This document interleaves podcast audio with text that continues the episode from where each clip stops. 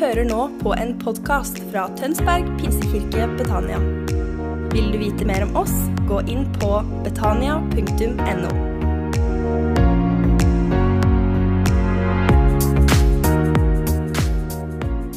Eh, mitt navn er Karl Einar eh, Eh, for deg som ikke vet det. Jeg er blitt 23 år gammel nå.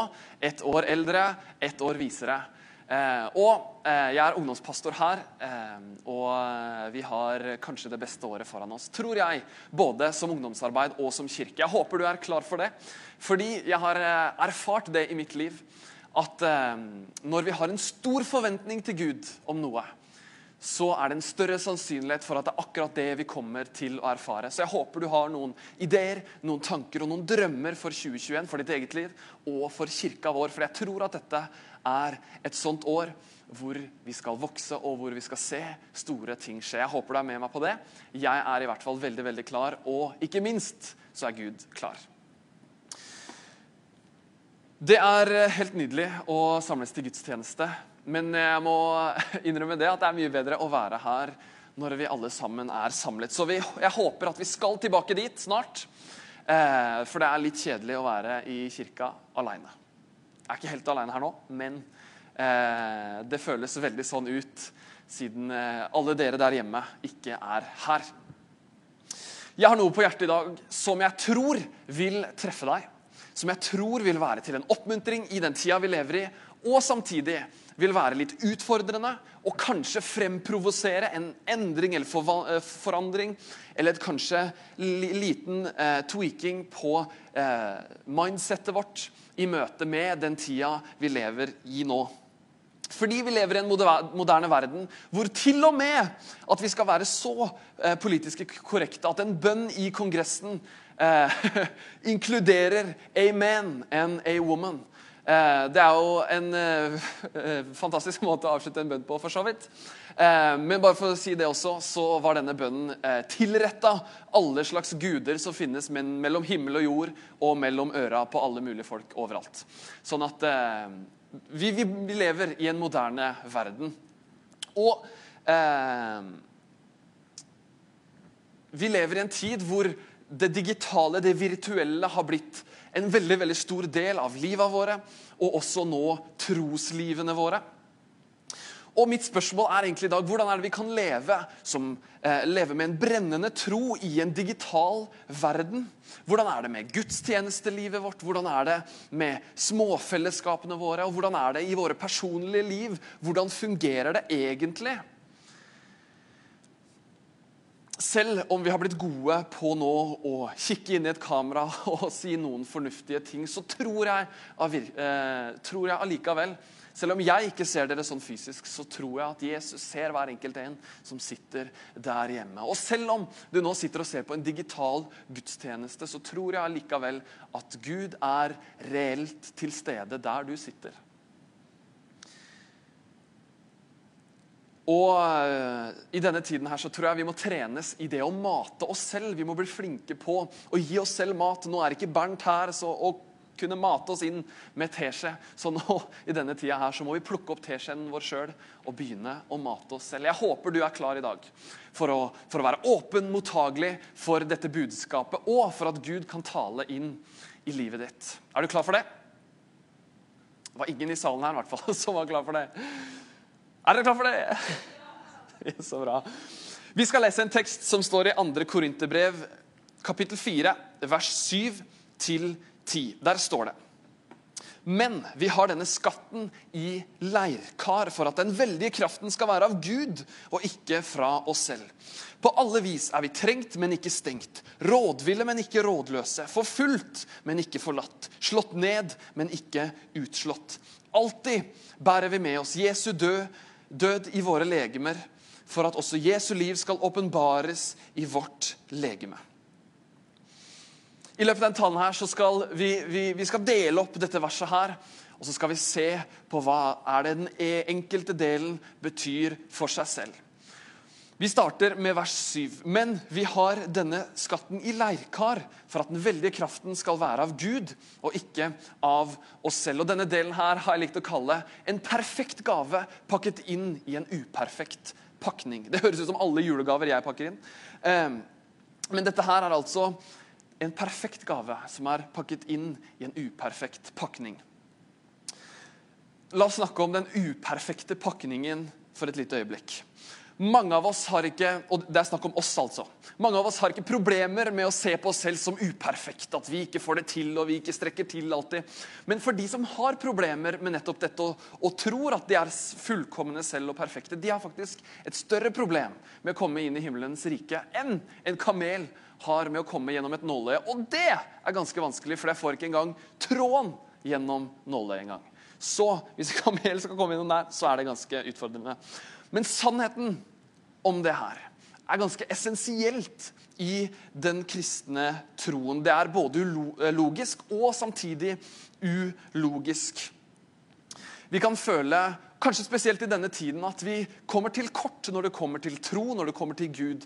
Altså at jeg tror ikke nok, eh, jeg ber ikke nok, jeg leser ikke nok.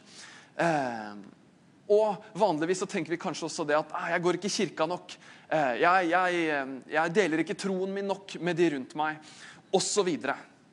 Og folkens, akkurat dette her tror jeg ikke er helt uvanlig. Vi er til tross bare mennesker. Men samtidig så tror jeg også det at vi er skapt for Guds hus. Vi er skapt til å eh, være et fellesskap. Og jeg vil bare tilstå det allerede her og nå, er at jeg trenger kirka mer enn kirka trenger meg. Jeg trenger i mitt liv kirka mer enn det kirka trenger meg. Jeg håper at vi kan komme inn i kirka med den ydmyke holdningen at vi, vi trenger det fellesskapet her. Vi trenger denne kirka her.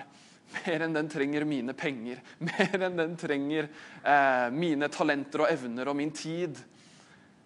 Jeg trenger kirka mer enn den trenger meg. La oss gå litt nærmere og se på hva er det egentlig det her betyr med den perfekte pakken. Jesus sier i Matteus 5, vers 3. Salige er de som er fattige i ånden, for himlenes rike er deres. Når jeg leste dette første gangen, så forsto jeg ingenting. Men når jeg leste det andre gangen, så tenkte jeg at dette betyr jo akkurat det som står der. Det betyr faktisk at eh, at uh, de som forstår at de ikke har penger igjen på den åndelige bankkontoen, de som ser på seg selv som uperfekte, de har posisjonert seg riktig for å kunne ta imot denne perfekte gaven. De som ser på seg selv som syndere, som trenger frelse, de som ser på seg selv som uperfekte, trenger den hellige Gud. Da har vi posisjonert oss riktig. For det står jo 'de som er fattige, de skal få rike', står det. De som forstår at de er åndelige blakke, menneskelig sett helt håpløse, tror jeg kan motta Guds perfekte gave. Som er bedre enn noen bursdags- og julegave. En gave som er for stor til å pakkes inn. Altså vår sjels frelse, en evighet med Gud, som bare vipses inn på din åndelige bankkonto. Når vi innser at vi er uperfekte, i behov for en perfekt Gud, det er da er vi i skjæringspunktet, og vi har posisjonert oss riktig. Men vi har denne skatten i leirkar for at den veldige kraften skal være av Gud og ikke av oss selv. Skatten som er evangeliet, befinner seg i enkle, skjøre beholdere som deg og meg. Og Når vi forstår dette her, at vi mennesker vi kommer til kort, så skjønner vi det at kraften den må jo komme fra Gud og ikke oss selv. Styrken må jo komme fra Gud og ikke oss selv. Frelsen kommer jo fra Gud og ikke oss selv. Det var ikke sånn at jeg var så sinnssykt flink i dette øyeblikket. Nei, det var Gud som gjorde det. Og når vi forstår det her, så forstår vi at det er først og fremst Gud som fortjener æren, all pris, vår lovsang, vår tid og til syvende og sist våre liv. Vi leser i Efeserne 3, 20-21. Han som er i stand til å gjøre langt mer enn alt det vi ber om eller forstår, etter en kraft som virker i oss. Ham tilhører æren i menigheten, som er i Jesus Kristus, gjennom alle slekter, i evigheters evighet. Amen. Det er når vi innser at vi er uperfekte, at vi kan motta Guds gave, som er evangeliet. Og det er ikke ved vår kraft at vi er så flinke. Nei, det er fullstendig bare ved Hans. Og derfor fortjener Han vår ære. Derfor fortjener Han vår tid. Derfor fortjener også Han våre liv. Det er en perfekt gave pakket inn i en uperfekt pakning.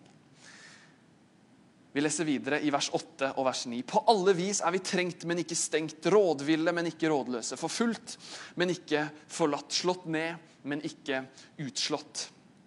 Vi møter utfordringer rundt hvert eneste hjørne i denne verden. her, og Vi kunne blitt eh, ødelagt og slitne og stressa bare av tanken av hvor mange utfordringer vi kommer til å møte i dette livet. Hvor mange problemer som er ute i verden der. Men jeg har lyst til å gi en oppmuntring om akkurat dette. Og det er at verdens utfordringer spiller en tapende kamp. Verdens utfordringer spiller en tapende kamp. Det vi ser i verden rundt oss, er at den utvikler seg til å bli mer og mer digital og virtuell.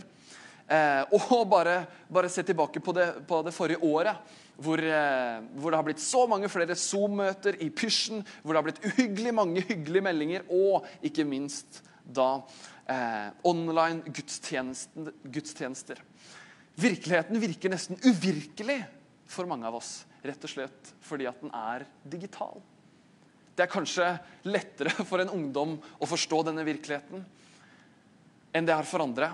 Men for mange av oss så virker virkeligheten uvirkelig fordi den har blitt digital.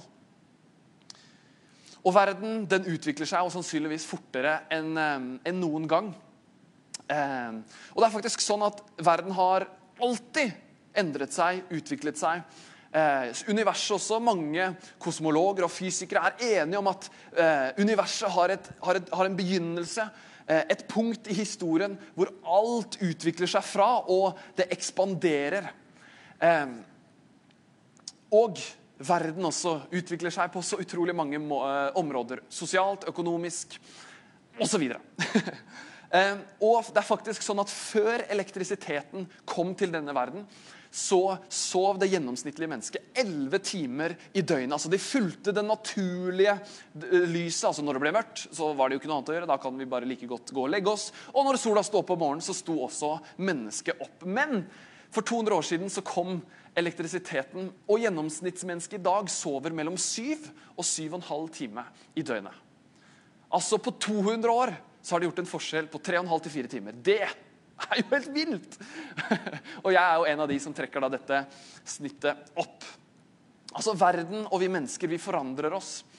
Eh, et annet studie gjort i 2015 så er det faktisk sånn at alle mennesker i historien som har blitt over 80 år Dette er et studie gjort i 2015. Alle mennesker som i historien har blitt eldre enn 80 år, og da levde fremdeles 50% av alle de.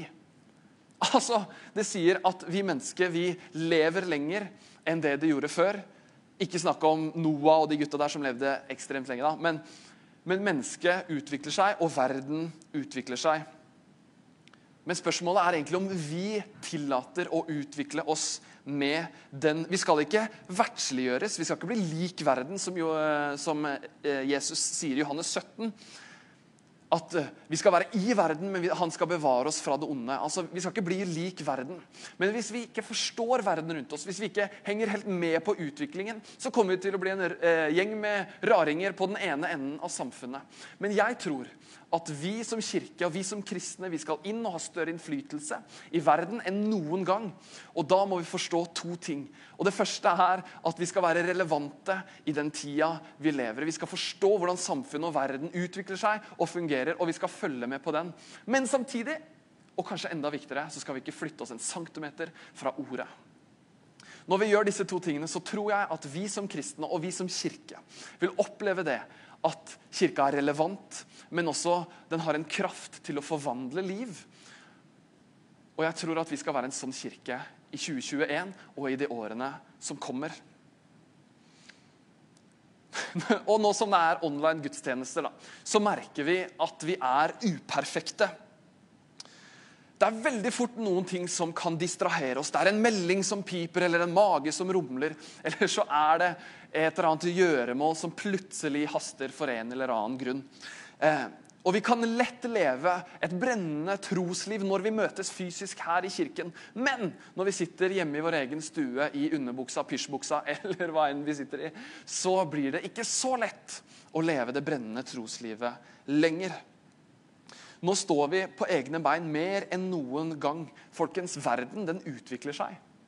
Spørsmålet er om vi tør og lar oss utvikle oss med den. Klarer vi å leve brennende trosliv selv i en digital virkelighet? Noen ganger så tror jeg at vår tro tar på en måte sånne tendenser mot en, eh, mot en deistisk tankegang. Altså at Gud institusjonaliseres. At Gud rett og slett låses inne her på Betania og ikke er tilgjengelig hvor enn vi lever eller hvor enn vi går ute i våre liv. Men selv om denne gudstjenesten er digital, så tror jeg at han er like reell. Han er like til stede akkurat der du sitter nå. Akkurat som her i Betania, akkurat som på en gudstjeneste hvor vi alle sammen er samla. Så Gud er like reell, men distraksjonene er flere. Når jeg snakker om det å høre fra Gud og å tenke på det, eh, og når jeg, når jeg lærer det til andre, så handler det ikke så veldig mye om Gud. For Gud han taler hele veien, tror jeg. Problemet ligger hos oss, altså at distraksjonene er for høye. Så når du skal høre fra Gud, så trenger du ikke å lytte hardere. Nei, du trenger egentlig å bare fjerne noen distraksjoner. Eh, det er veldig enkelt når vi ser på gudstjeneste at vi tenker at ah, jeg skal bare smøre en brødskive eller legge ungene samtidig. Men da tror jeg vi kanskje går, går glipp av noe. Og jeg tror at I en online gudstjeneste endres vår rolle. Og derfor også endres Gud sin rolle. Eh, vi i større grad blir inaktive, vi blir mindre mottagelige og mer distraherte. Og Derfor blir Gud overdøvet. Han oppleves utilgjengelig, og han får ikke lov helt til å være Gud. Men selv om verden og dette gudstjenesten er digital, så er Gud reell midt i det. Responderer vi på samme måte i gudstjenesten? Er det sånn at du sitter og noterer med penn og papir eller blekk eller hva enn du noterer med, eh, for, å, for, å, ta og eh, tenke noen av disse tankene senere i dag eller senere i uken? Er det sånn at du deltar i lovsangen og er med og synger, eller benytter du deg anledningen til å ta en tissepause eller til å smøre deg en brødskive? Og når vi ber sammen, er det sånn at det er bare de her på skjermen som ber? Eller er det sånn at vi ber sammen som en familie og er et bedende fellesskap. Vi må kanskje jobbe litt med oss selv, med inaktiviteten i en online gudstjeneste. Og Jeg har ofte merka det, både på en online og på en fysisk gudstjeneste, at det er ikke nødvendigvis kvaliteten på talen, takk Gud, som bestemmer om eh, gudstjenesten er god, eller kvaliteten på lovsangen, for den delen. Men det er faktisk fokuset jeg kommer med, sitter med mitt perspektiv i denne gudstjenesten, som bestemmer om denne gudstjenesten blir god eller ikke. Altså Det handler om mitt fokus, det handler om hvor øynene mine ser, det handler om hvor tankene mine er hen, som bestemmer om gudstjenesten har kvalitet eller ikke. Det er ikke lovsangen, det er ikke talen. I en digital verden som utvikler seg, utvikler vi oss med den. Jeg tror at så lenge vi nå ikke kan samles sånn fysisk, så må vi, må vi, må vi, må vi sette oss et mål. Og, og, og jeg, har, jeg, har, eh, satt meg et mål om dette, og jeg håper at du har lyst til å være med meg på nettopp det. Og det er å jobbe med seg selv og, og det som er mulig for å kunne leve med en brennende tro, også i den digitale realiteten. hvor vi kanskje må mate oss selv litt mer, hvor vi må jobbe litt mer med oss selv, med fokus og med tålmodighet og disse tingene. Men det er jo det vi er skapt til, å leve i en brennende relasjon med Gud. På alle vis er vi trengt, men ikke stengt. Rådvilla, men ikke rådløse. Forfulgt, men ikke forlatt. Slått ned, men ikke utslått. Når jeg leser det her, så leser jeg at alle de utfordringene vi møter, de spiller en tapende kamp. For kraften den kommer fra Gud. Den kommer ikke fra oss. Men uansett hvor langt nede vi er, så er vi ikke overvunnet enda. Uansett hva du måtte føle om deg selv, tenke om deg selv, uansett hva slags situasjon du måtte befinne deg i, så ja, så har du fått deg en smell i ansiktet. Du har kanskje blitt slått ned, men du er enda ikke utslått. Fordi alle de utfordringene vi møter, tror jeg, møter spiller en tapende kamp. Og jeg tror at i en tid som denne, og spesielt når jeg tar opp dette med, med online gudstjeneste og At det er lett å bli distrahert. Det er lett å, eh, At de vanene vi, vi, vi, vi, hadde når vi sto opp tidlig og reiste på jobb, eller når vi hadde de, der, de, de, de, de tinga i vår kalender som vi kunne henge de gode vanene på, når de har falt av og falt vekk, så har det kanskje vi har adoptert noen uvaner. Men når da disse uvanene, og vi mister tålmodighet og mister fokus, så kan vi allikevel tenke det at åh, det at jeg kommer til kort, betyr at det egentlig bare er større plass til Gud. I 2. Korinterbrev 12,9 så står det Min nåde er nok for deg, for min kraft fullendes i skrøpelighet. Derfor vil jeg helst rose meg av min skrøpelighet, for at Kristi kraft kan bo i meg. Det er egentlig akkurat det med at vi er uperfekte, og når vi innser det, at vi er skrøpelige, så er det større plass til Gud enn det er plass til oss. Og vi går inn i det siste verset.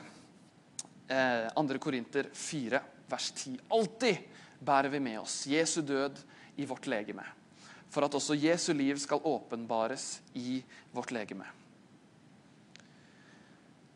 Evangeliet om Jesus det handler om at Gud sender sin sønn ned hit for å gjenopprette en brutt relasjon mellom Gud og mellom mennesket.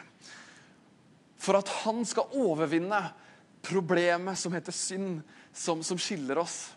Så Jesus blir sendt ned for å ta et oppgjør med det her. Jesus han kom, inn, kom, til jorden, fikk møte de utfordringene, som vi også møter. De problemene som vi står i. De fikk han også føle på. Alle de vonde føl alle, alle, følelsene det også fikk han møte. Han ble et reelt menneske i inkarnasjonen. Han opplevde sorg. Han opplevde smerte. Han opplevde lidelse. Han var menneske. Og på korset så døde han. Som en soning for våre synder.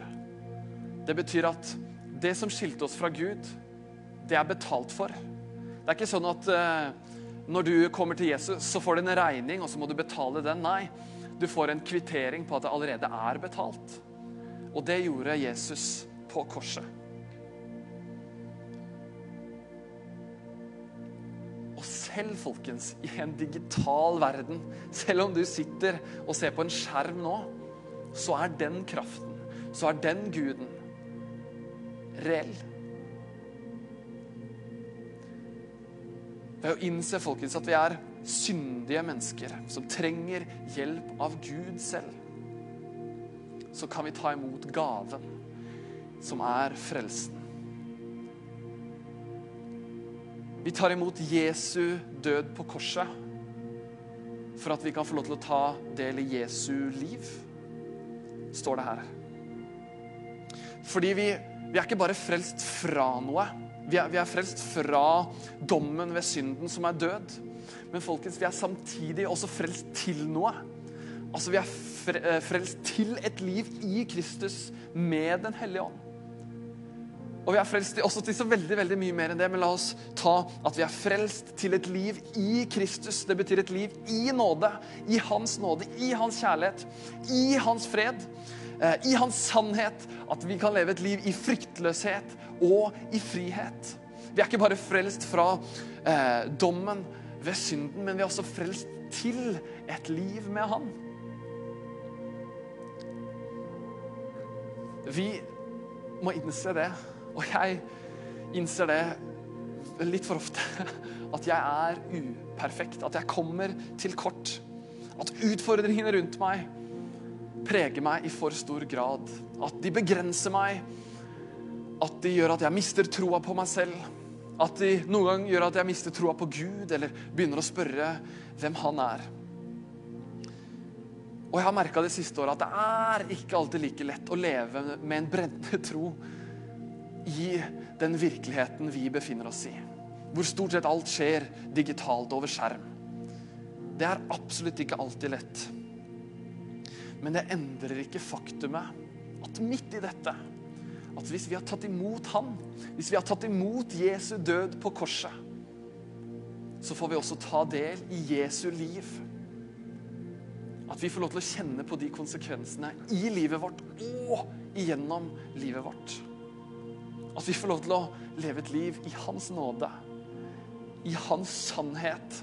Og når jeg snakker om sannhet, så tenker jeg på ordet. Jeg snakker om identiteten din. Jeg snakker om verdien din. En fred som overgår all forstand. Som ikke denne jorden kan gi, men bare som han kan gi. Vi kan leve i fryktløshet. At alle de vanskelighetene som er rundt oss, de kan vi faktisk Det trenger vi ikke å bekymre oss for. For at Gud, han passer på oss.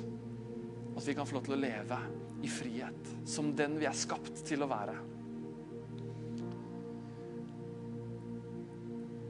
Alltid bærer vi med oss Jesu død i vårt legeme. For at også Jesu liv skal åpenbares i vårt legeme.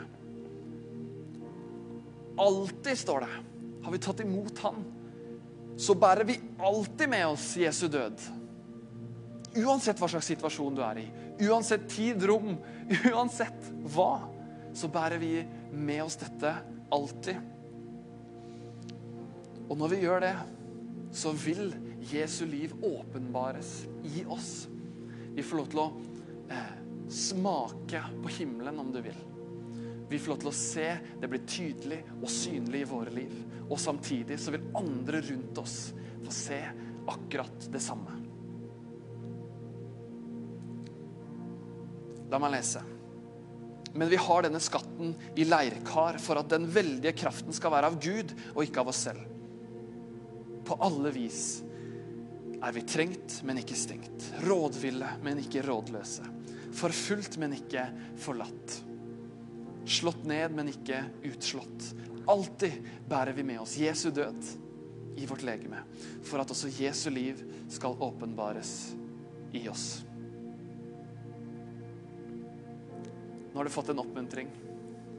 La oss ta med oss den inn i målet om å leve med en brennende tro. Selv i den rare tiden vi lever i. lá meg be.